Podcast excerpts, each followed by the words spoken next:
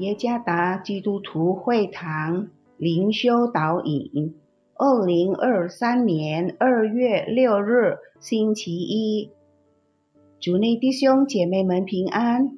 今天的灵修导引，我们要借着圣经腓立比书第四章第四到第八节，以及帖撒罗尼迦前书第五章十六节来思想今天的主题。要常常喜乐。作者彭卫国牧师。腓立比书第四章第四到第八节：你们要靠主常常喜乐。我在说，你们要喜乐。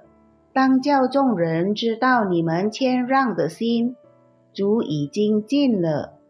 应当一无挂虑，只要凡事借着祷告、祈求和感谢。将你们所要的告诉神，神所赐出人意外的平安，必在基督耶稣里保守你们的心怀意念。弟兄们，我还有未尽的话：凡是真实的、可敬的、公义的、清洁的、可爱的、有美名的，若有什么德性，若有什么称赞。这些事你们都要思念。帖撒罗尼迦前书第五章十六节，要常常喜乐。约翰派伯说：“当我们在神里面感到最满足时，神就在我们身上得到最大的荣耀。也就是说，如果我们想要喜乐，那么，我们必须在上帝那里寻求喜乐，对上帝的良善充满感恩的生活，给我们带来满足的喜乐。事实上，我们对今生的满足程度，与我们在神里面喜乐成正比。我们人生目标其中之一。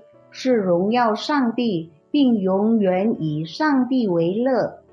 言下之意是我们以神为乐能有多深，我们就能在多大程度上荣耀和享受上帝的恩典。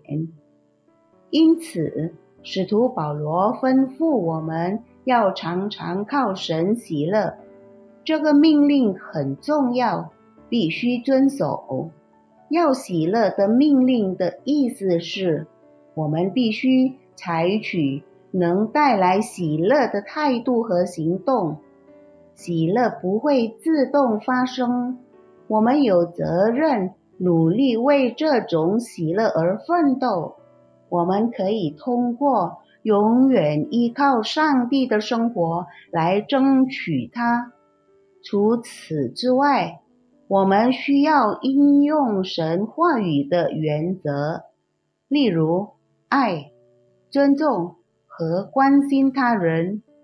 如果你坚持不懈地这样做，来自上帝的喜乐就会在你的生活中洋溢。因此，一方面我们必须努力争取喜乐，另一方面。我们必须认识到，喜乐是来自上帝的礼物，必须以平衡的方式理解和争取这两个维度。